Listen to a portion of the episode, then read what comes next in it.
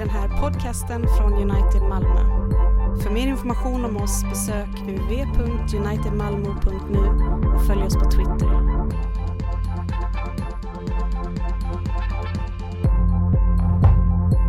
Och då tänkte jag ställa frågan som ni redan har fått här också. Behöver kyrkan reformeras igen? Det är ju den stora frågan. Varför i så fall? Varför är det viktigt i vår tid?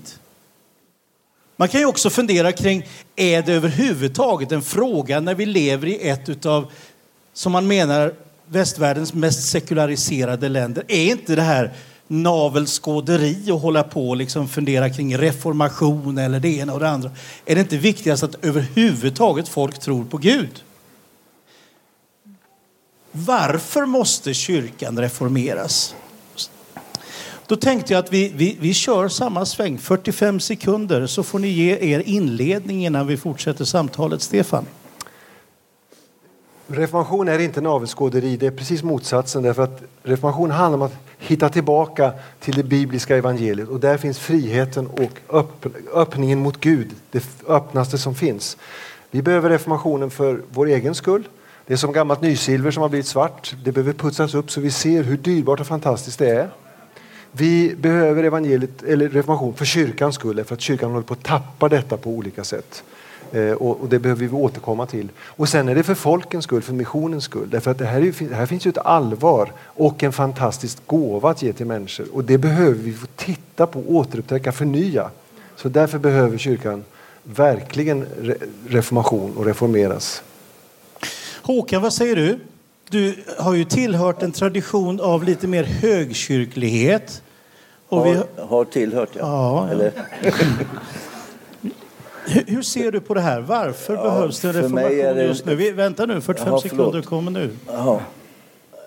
Alltså, det är, ju, det är ju inte någon fråga för mig. Det är så självklart att det behövs reformation, förutom då att det behövs en ständig reformation. Jag tänker på reformationen på eh, medeltiden då med Luther och så. Det var ju i mångt och mycket en, en reformation vad gäller läran. Alltså man återkom till evangeliets centrum. Jag tror att eh, idag så är det inte det vi behöver utan vi behöver en reformation när det gäller strukturerna. Vi behöver få tillbaka det här med hemmet och den lilla gemenskapen. För det, allt andligt liv det växer så att säga underifrån. Det går aldrig att administrera fram någon väckelse ovanifrån genom beslut i kyrkomötet eller något annat. Va? Så det är i en annan struktur som det behöver hända. Sara, vad säger du? Du har levt i det här i den här församlingen där reformationen på något sätt har landat. Behövs det reformation på nytt? Varför då? Jag skulle säga för att eh, det är tydligt att vi har tappat bort vår berättelse. Eh, Samhället, människor som vi möter, kollegor, grannar, alltihopa. Men även i kyrkan. Vi matas med så många andra berättelser om att det här handlar livet om. Och även som troende är det lätt att ha den målbilden framför sig och ta med Gud som någon slags medel att uppnå detta. Men att få genom ordets förkunnelse se vad, vad, är det som är centrum? Är det ens jag som är centrum i berättelsen eller är det Gud som är centrum och hur vi är skapade att få leva i beroende av honom? Och vad är det som har gått fel och hur kan vi, vad är det som behövs i det? Jag ser ett, ett allvar i det i mitt eget liv och i människor omkring mig. Därför behövs det reformation för att få återupptäcka det, vad livet handlar om och den stora berättelsen. Joel, Ekumeniakyrkan. Var det en fråga? Nej, det var en reflektion. Börja mina sekunder. 45 sekunder. Varför reformation? Ja, jag kan bara instämma med att eh, jag tycker frågan är onödig för att Gud har alltid fött sitt folk genom sitt ord. Det är så han gjorde från början. Han skapade genom sitt ord och vi ser genom hela gamla testamentet ut när folket avfaller så, så är det tillbaka till ordet. Josafat han sänder ut för att undervisa, Josia hittar lagboken. Guds folk har alltid levt av ordet. När de har fallit bort så har de kommit tillbaka till ordet. Och jag skulle vilja säga att det handlar, och jag blir lite allergisk när vi sätter det i fack, liksom. det är reformationen då. Det handlar om ordet. Det är det som föder oss, det är det som ger oss liv. För det finns inget annat. Det handlar om frälsning och liv för Guds församling och för folken. Och då upphör det när vi inte har ordet. Irena, vad säger du? Du är ju pingstvän. Ja. tydligen. förkunnare inom pingst. Varför behövs det reformation? Ja, det här ordet reformation är ganska nytt för mig faktiskt personligen. Eh, men jag har alltid tänkt i vad ordet betyder. Men jag tänker så att varje generation behöver göra sin reformation. Varje generation behöver stanna upp och tänka vad är det vi behöver återerövra. Och det jag har sett är att i vår iver och passion för att nå människor i vårt land så har jag sett att vi ibland tenderar till att drifta iväg från det som är kyrkans liksom, center, det som är ja, men det vi har pratat om, Guds ord och Jesus eller Kristusfokuset. Eh, I våran längtan efter att så många som möjligt ska få höra detta så kanske vi inte alltid vågar prata om hela evangeliet. Så vi behöver definitivt göra en reformation, tycker jag. Hans, vad säger du? Om man söker efter en biblisk synonym så tycker jag man kommer nära Apostlagärningarna 3.21. Hur ordet återupprättas användas där. Då talar Petrus om Jesus. Honom måste himlen ta emot tills de tider kommer då allt är återupprättas som Gud från urminnes tider har förkunnat genom sina heliga profeters mun. Och det har ju naturligtvis först och främst att göra med Jesu återkomst och allt återupprättas. Men, men Jesus har ju på sitt hjärta återupprättelse för Kristi kropp, alltid. Eftersom vi har både den gamla och nya människan så har vi en tendens som drar oss bort från Gud. Så därför tänker jag både reformation som någonting stort för olika epoker där, där vi behöver återvinna det som en generation. Men också faktiskt någonting som behöver äga rum i mitt liv varenda dag. Att liksom bryta ner det här ordet till något Jesus vill för mig varenda dag. Ja, de var ganska överens. Då är vi väl färdiga då.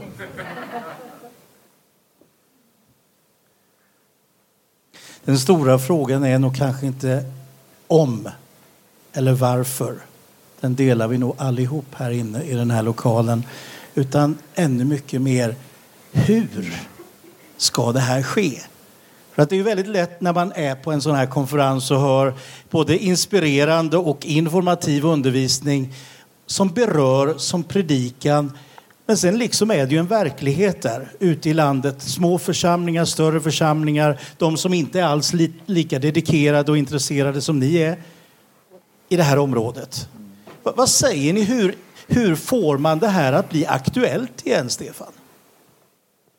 Ja, det är verkligen en, en, en, en, bra fråga. Det är inte så enkelt. Jag tror inte att det är så enkelt. Men det, det handlar ju om... Ja, det, det, det börjar nog med mig att jag lever nära Jesus och lever i den här upprättelsen, återupp, vad heter det, som, som du var inne på Hans. Ja, återupprättelse. Eh, alltså det, det, det, det börjar alltid med mig. Men sen är det klart att jag kan, kan göra vissa saker. Jag, vi kan utbilda och jobba med det här i, i en utbildning av förkunnare. Det har betydelse. Eh, jag kan vara med och modellera våra sammanträden med att inleda med ett samtal eh, där vi tränger in i Guds ord. Eh, Att det går före. Alltså, det kan vara väldigt små saker som, som, som, som det kan handla om för no någonting. Men en nyöversättning av, av eh, reformationstexten är ju också en vettig grej. Nu, nu är de väldigt lydiga där nere. Sara, du har ju rört dig inom faktiskt pingströrelsen under lång tid. Hur skulle du se på den här resan som ni har genomfört, som den här församlingen har gått igenom? Från att ha varit en form av eh, vad ska man säga, underhållande församling till att bli fokuserad på det sättet. Hur har det fungerat egentligen rent praktiskt för er här i, i den här resan? Nu kör vi inte de där 45, för jag kommer tillbaka till nästa fråga sen. Jag tänker att ett utgångsläge är lite vilken typ av frågor man ställer eh, till sig själv och till en församling. Man kan ställa frågor som vad drar folk eller vad verkar gå hem eller vad ger resultat? Eh, vi upplevde att Gud manade oss att ställa en annan typ av frågor som för oss till centrum. Vem är Gud? Hur kan vi lära känna honom? Vad är kyrkans uppgift? Uppdrag i detta att leda människor till Kristus och Guds försonande verk till honom? Och, och i det sökandet så blir det olika riktningar på något sätt. Att, till att börja innan, vilka frågor ställer vi? Men Håkan, du har, ju, du har ju rört dig också i cellkyrkans värld där vardagen har blivit väldigt, väldigt viktig och den här vardagsgemenskapen. På vilket sätt kan de här frågorna om reformation liksom komma in i vardagslivet för en vanlig kristen? Alltså jag tror, ska vi se ett, för, ett för, förbättrat beteende, hur jag ska uttrycka. Jag kommer vara lite o, oandlig här nu, va? men ska vi se förändringar så tror inte jag att man ser de förändringarna genom att ändra i kyrkohandboken eller hitta på nya verksamheter, plusmenyn och så vidare. Va? Utan det måste till förändringar i värderingssystemet och i principerna. Alltså det vi behöver förmedla genom evangeliet till människor det är hur förändras våra värderingar så att vi kan leva och vandra efter anden. Och, och just att hitta något system, om man säger så inom citationstecken då, någon struktur där vi kan förmedla det här till människor som inte har det. Det ser jag som den stora uppgiften och det är verkligen en vardagsuppgift. Men förr i tiden när vi hade lilla katekesen och sånt, då skedde ju det här i skolorna. Nu finns inte det idag. Hur gör vi då istället? För vi måste förmedla det till nya generationer här inne. Så tänker jag. Ja. Nej, det räcker så kanske tills vidare. När ni nu, Irena, startar en ny församling, då är ni ju mitt i det där. Att liksom, ska man attrahera skarorna eller ska man bygga liksom mer på familjens gemenskap, den lilla gemenskapen? Hur tänker ni? Ehm, ja, vi tänker så här att den första tanken som man får är just det här hur ska man dra folk för att det är det kanske man har sett mycket. Eh, men eh, vi tänker, för oss var det väldigt jag pratar utifrån vår process, för oss var det väldigt mycket att tänka att nu när vi ska starta en kyrka så är det inte så att vi kommer faktiskt med någonting nytt. Vi kände att vi behövde få det landat i hjärtat, att vi kom inte med några nya tankar här utan vi bara återberättar det som redan har varit långt, långt innan.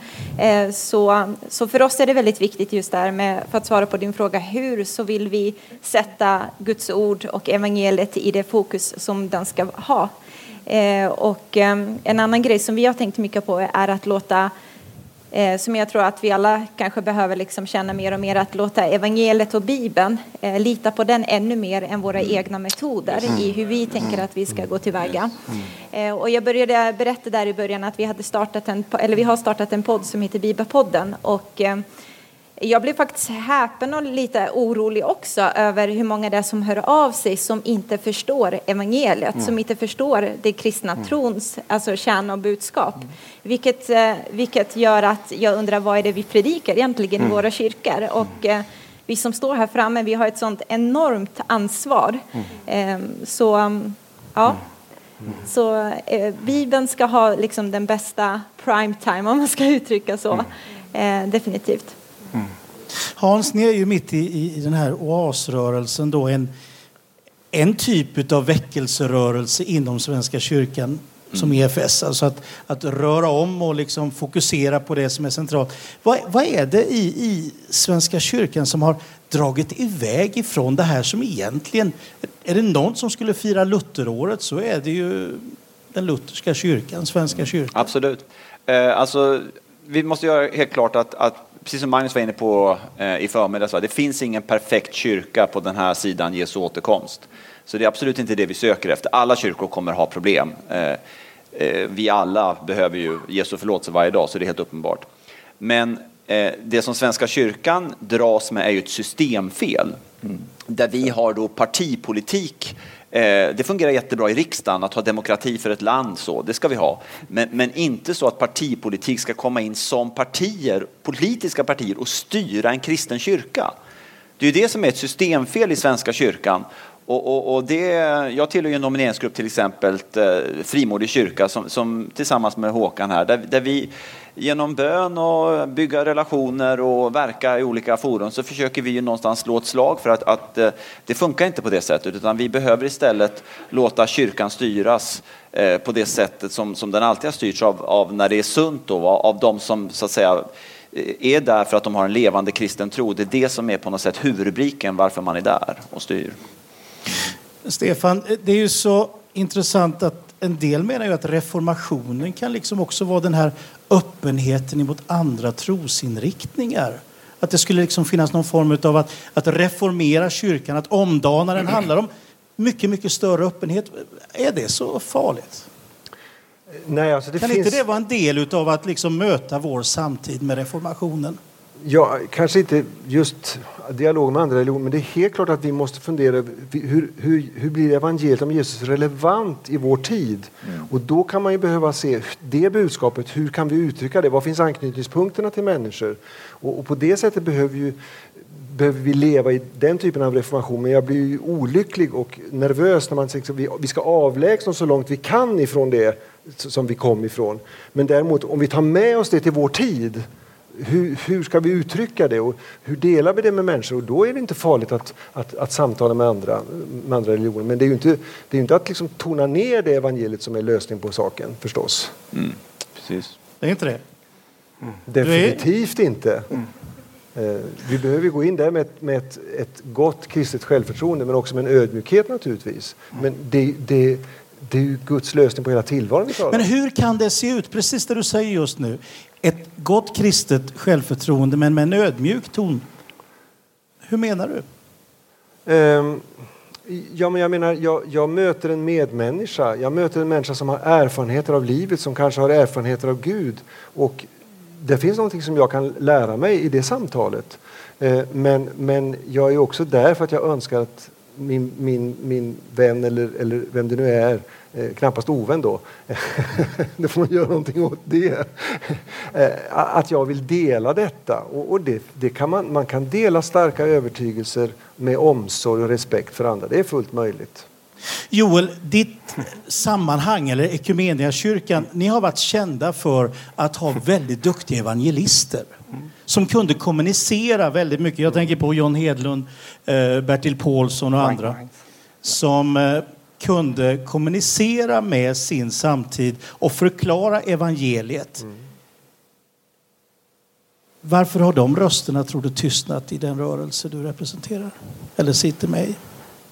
Oj, ja, det, var, det kanske inte jag är rätt man att svara på. Däremot så tror jag att, eh, inte uttala mig om John Hedlund och Bertil Paulsson eller Frank Mangs, men det lite det frågan du var inne på innan är ju, är ju det jag skulle vilja säga att vi ställer oss fel fråga när vi säger hur ska vi göra det aktuellt? För Guds ord är alltid aktuellt. Amen. Och dagens människor som kommer till oss, de frågar inte hur ska jag kunna bli rättfärdiggjord inför en helig Gud? De vet inte ens vad en helig Gud är, utan de säger att jag är ganska god, jag gör lite fel. På natten kanske de ångrar sig, men de tycker sig vara. Så därför behöver vi först förklara och det för vilken situation de är i.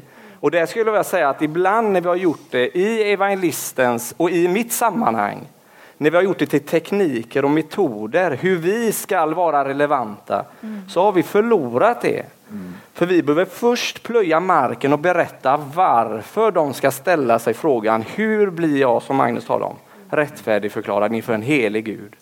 Och sen kan vi räcka med evangeliet. Så min, alltså i det, och jag säger det till min egen rörelse, är att vi är så totalt förlorade i metoder och i sätt. Och det är vi från hög till låg. Och vi behöver fråga oss, skulle jag säga, är vi bibliska?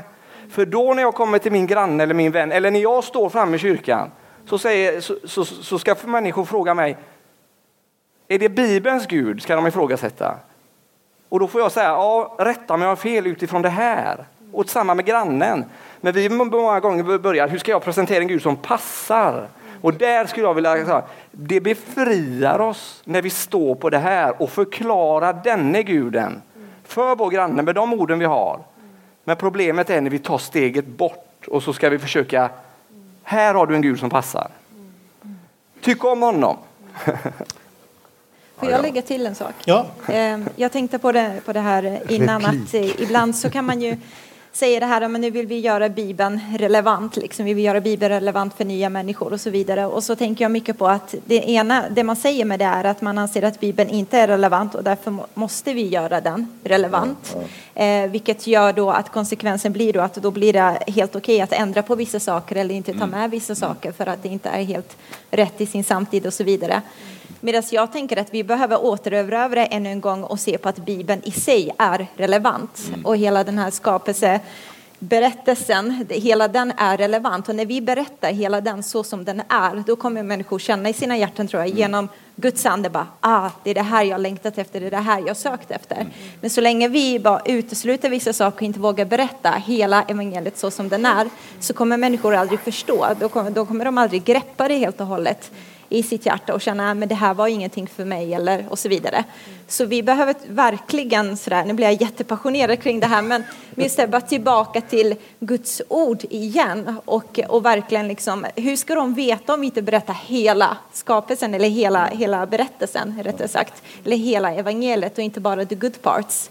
Håkan, du ville komma in. Jag vill, jag vill haka på där eh, med en tanke om överordnande och underordnade. Därför att det som är bekymret för oss, till exempel i möten eller i andra sammanhang, det är att tala emot alla dessa goda eh, modeller, metoder, material och så vidare som är bra och rätt och riktiga. Problemet med allt det här är, och det, det tror jag är systemfelet, det är när det blir överordnat. Alltså man blir, man blir självupptagen med alla de här olika sätten att försöka komma till rätta med problemet. Men alltså jag menar att det som nu fungerar mer eller mindre som någon sorts tillägg, som är, det är det här med, med Guds ord och vandringen i anden. Och det, som är, det skulle ju vara överordnat. Mm. Mm. Så, att det, så att det, som du sa, loket måste komma först. Mm. Och här, att, att svänga om det här, det är ju en gigantisk uppgift som jag tror att man kan lyckas med i det lilla sammanhanget. Mm. Vi är tillbaka. Stefan vill ha en replik. Ja, jag, jag tycker att alltså, med relevans är ju jätteintressant. Jag håller helt med om att, att, att anpassa på något sätt budskapet så att det ska passa för människor. Det är ju bakvänt. Ja. Men däremot att fråga vilka sidor av budskapet, vilka sidor av Jesus kopplar till den här människans liv. Det är ju en typ av relevans som är helt nödvändig. Mm. Och i, ibland måste vi naturligtvis börja i det existentiella. Här befinner sig människor, det här är mina livsfrågor. Ja, men hur kan vi koppla det då till, till det, det, stora budskapet i berättelsen? Så där finns ju en slags relevansfråga. Så jag, men jag, jag, jag, kan tänka mig att vi håller med varandra ändå. Sara? Jag tänker för, för vårt sammanhang har det varit eh, viktigt att komma till den här inte vi och dem perspektivet av att de behöver Jesus mm. eller utan det här mm. det är Gud och människor och vad är det, vad är det jag brottas med för mm. frågor som är lika? Det är mm. samma typ av mm. fråga som min medmänniska brottas med, nämligen eh, hur blir jag lycklig? Vad, vad, finner jag frid Jag är rastlös. Det är någonting som fattas. Det finns en tomhet. Det blir en jakt på detta. Och, man, och det är det som är hela avgudaperspektivet. Att jag sätter mitt hopp till att det där ska ge mig det jag söker. Det där ska ge mig det jag söker. Men för mig har det varit avgörande att komma i kontakt med just den brustenheten i oss, alltså synden i att vi har vänt oss bort till andra gudar. Jag är skyldig till detta och jag har behov av att få höra berättelsen om hur Gud har gripit in mm. i min värld, i vår värld, för att föra oss tillbaka till det. Och just där relevansen i att vad är det för brottningskamp människor, inklusive mig själv, mm. har och evangeliets befriande ljus mm. rakt in i det. Mm. Joel? Ja, jag bara tänker också att det handlar väl lite om vad som... Jag tror att vi behöver knyta an till människors frågor. Problem, problemet är bara om vi ger svaret, alltså vi, de har ofrid så vi ger dem frid. Alltså vi måste gå till, till grundproblemet som alltid är att de har vänt sig bort ifrån Gud. De tillber honom inte. Gud ger frid, förlåtelse, allt det. Men eh, jag tänker att frälsningens gåva är att vi får Gud och får vår glädje i honom. Och risken är att får vi inte hela perspektivet så missar vi det. Alltså vi knyter an och så vill vi ge dem en Gud som förlåter, som ger frid och, som, och så vidare. Och så tänker jag, vi måste liksom, det är som att föra det till, till sjukdomens symptom. Där har du det. Och då får de liksom. Så absolut. Problemet nu det är ju att tiden går så förtvivlat fort, eller hur? Det här kunde vi hålla på med hur länge som helst. Nu tänkte jag så här, vi kör en sån här 45 sekunder igen. Nu har ni dels en publik här och ni har en tv-kamera och det är många som kommer att se det här. Och nu skulle ni kunna få skicka er hälsning rätt ut till Sveriges kristenhet, till små och stora församlingar, pastorer, ledare i olika sammanhang. Hur ska en reformation till kärnan av vår tro gå till i Sverige idag? 45 sekunder, Hans. Oj. Nej, men det finns många saker. En sak jag tar tag i då, det är apostlärningarna. Eh, 2.42. De höll troget fast vid apostlarnas undervisning och vid gemenskapen, brödsbrytelsen och bönerna. Det kallar man på kyrkans ungdomslektioner för de fyra benen på stolen. Bibeln, bönen, brödra och systragemenskapen, att Gud för oss samman i gemenskap och så gudstjänsten. Jag tror någonstans att det handlar om att, om att eh, eh, Gud får återupprätta det enkla, de stora skatterna som det här är att få leva i det här varje dag. Eh, och jag vill också förtydliga det jag sa innan. Alltså, företrädare för olika politiska partier. Jag har mött många levande kristna bara för ett par dagar sedan som, som är underbara kristna som brinner för detta. Men, men, men kyrkan ska inte styras av ett politiskt parti utan ska styras av, av andra förtecken. Irena, vad säger du? 45 sekunder. Hur reformation? Ja, jag måste ju gå tillbaka till just det här med läran och Guds ord faktiskt. Precis som han nämner här så skrev jag upp det i mina anteckningar här innan att eh, de första, den första kyrkan var ju liksom läran som var det viktiga hela tiden. De kom tillbaka till Guds ordet, eh, till bekännelsen och eh, jag tänker hela tiden att faktiskt låta Bibeln ännu en gång få den eller låta den ha den auktoritet så som den har och förlita sig mer på den än på våra egna försök. Så tillbaka till the basics helt enkelt. Stefan Holmström, 45 sekunder. Eh, det finns två riktningar. Det ena handlar om, om, tillbaka till källorna och det andra handlar om ut i öknen. skulle jag vilja säga. Alltså tillbaka till källorna, det handlar om in i Guds ord. Jag in i Guds ord. Jag in i bönen. Mm, jag in i gudstjänsten. Yes. Alltså, så att, jag, så att detta lever för mig. Ja. Jag in i bikten, ja. jag in i retriten. Yes. Så att det här lever för mig, så att Jesus fascinerar mig och jag är desperat efter honom. Mm. Det är det ena. Och det andra är att jag behöver också ut med min egen brustenhet, precis det, mm. till människornas ja. brustenhet. Ut i öknen där det inte finns något vatten. Mm. Och, och där, där, frågorna ställs och, och där, där, där, vi kämpar mycket med samma saker, med livspusslet och alltihopa. Så att, att leva i den dubbelheten, det, det är där någonstans vi behöver vara. Joel? Jag skulle säga att eh, till Guds församling, ni är kallade till att vara trogna, inte vara relevanta. Och jag skulle bara läsa ifrån Jeremia, eh, som befann sig i just tid och det var så. Där, det, där han talar om till hög som låg, alla söker om orätt vinning, både präst och profet, alla handlade lugnaktigt. De tar lätt med, he, med att hela mitt folk skada och säger allt står väl till, allt står väl till. Men allt står inte väl till. Så kommer det lite längre ner, jag ska inte läsa vad som står därefter, men så står det senare i, så säger Herren, ställ er vid vägarna och spana, fråga efter de urgamla stigarna, fråga efter den goda vägen och vandra på den. Så ska ni finna ro för era själar. Mm. Spana efter de urgamla stigarna. Jeremia 6 läste jag från förut. Håkan Sundliden, hur? 45 sekunder. Eh, jag skulle vilja ta bilden som Jesus sa när han talar om sig själv som det sanna vinträdet. Jag tror att vi behöver liksom svänga om det här som jag sa helt och hållet, hela systemet. Jesus han, han hade inte massa, han liksom gjorde inte så att han fick massa konsumenter utan han producerade. Han gav liv hela tiden och genom att de höll fast vid och blev kvar och sånt och så bar de frukt också. Mm. Så jag tror att vi behöver eh, hitta system helt enkelt för, för produktion och ersätta det med, alltså ha det istället för mycket av de system som vi har nu där man bara konsumerar. Sara som värdinna på den här platsen. Du får de sista 45 sekunderna. Varsågod. Jag instämmer då allt gott som har sagts här. Eh, nej, men eh, såklart håller jag med om att vi behöver vända tillbaka till, till skriften och det. Men jag, jag skulle också vilja lyfta fram, jag tror gudstjänsten har en otroligt central del i detta formandet av Guds folk och platsen för att förkunna Guds ord och förmedla nådemedlen på det sättet. Och, eh, och där, där, tror jag vi som kyrka behöver verkligen se över vårt unika uppdrag och bidrag rakt in i den här världen. Att våga vara profetiska, att våga vara den plats där vi förmedlar, där får vara Guds röst och Guds utsträckta hand till människor och se att det är den plats där Guds folket får formas in i det här livet som Gud har kallat oss till och också där som vi får sen sändas ut att vara vittnen och bärare av detta livgivande, förvandlande evangelium. Tack så väldigt mycket. Välkomna till studion i Stockaryd för vardagstro. Jag vill gärna fortsätta samtalet med er. Tack ska ni ha att ni har varit delaktiga. Vi ber tillsammans. Tack Herre Jesus att du har varit och är närvarande i vår mitt genom din egen ande och ditt eget ord. Och Herre, du ser all den kreativitet vi bär inom oss, all den längtan vi bär att få göra din vilja i vår tid. Herre, jag ber om att du ska föra oss nära ditt eget hjärta just nu.